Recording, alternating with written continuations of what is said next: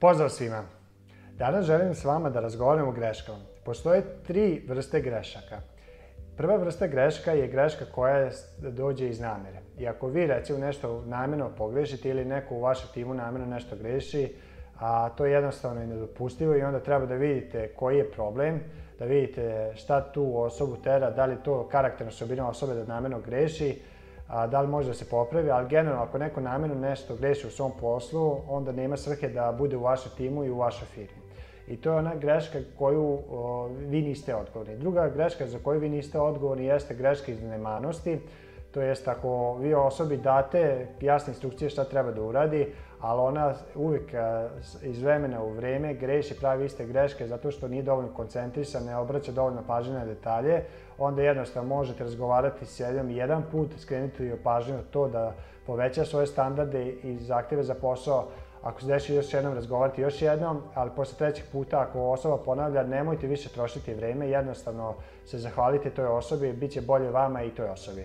A treća vrsta greške koju, za koju ste vi direktno odgovor jeste greška iz neznanja.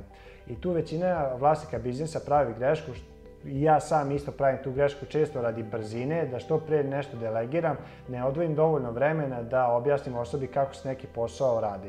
I zbog toga je jako važno da sve dokumentuje, da sve izbacite iz glave i da kad nešto delegirate osobi, da zaista ima ta osoba ispred sebe dovoljno resursa i pisanih i usmenih i video resursa kako bi mogla sama da se i podsjeti i nauči nešto. Jako konkretno sam danas pokazivao koleginici koja je kod nas došla da radi marketing, objašnjavao sam kako ja koristim Google-ovo oglašavanje.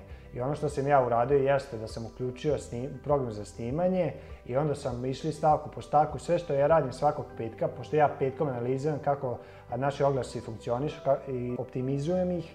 A, stavku po stavku sam je govorio šta radim, objašnjavao sam joj principe, zašto to radim i uvek se me pitao da li ona ima neka pitanja, da li može da me prati i mi smo tu neku današnju današnji trening obavili za 30 minuta i ja sam, što se tiče mene, završio s tom pričom.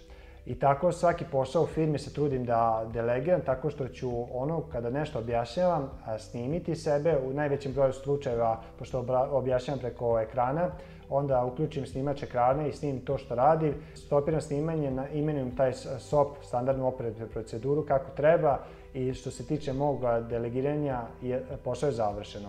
U tom momentu ta osoba ima maksimalno moju pažnju a, i vreme i mi smo tu dok ona ne shvati, imam pravo da me pita, ali kada je rekla da je shvatila sve i kad ima ispred sebe sve ono čemu smo pričali, onda više nema opravdanja da dolazi kod mene i da me pita ponovo istu stvar zato što smo već jednom pokazali i samim tim pokazuje nemanost.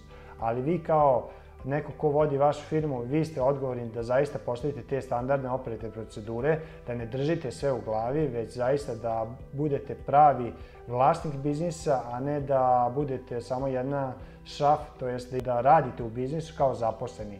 Ako želite da izađete iz tog nekog začaranog kruga, da se stalno vrtite u krug, da radite sve više i više i da okrećete one pedale na točkovima, svaki put sve jače, a stojite na mestu, ovo je neophodan korak koji morate da uradite. Prvo, izbacite vaše znanje na papir i onda nađite osobu koja će isti rezultat postizati uz pomoć tog vašeg znanja ili standardnih operativnih procedura. Toliko u ovom videu, do sljedećeg videa, veliki pozdrav!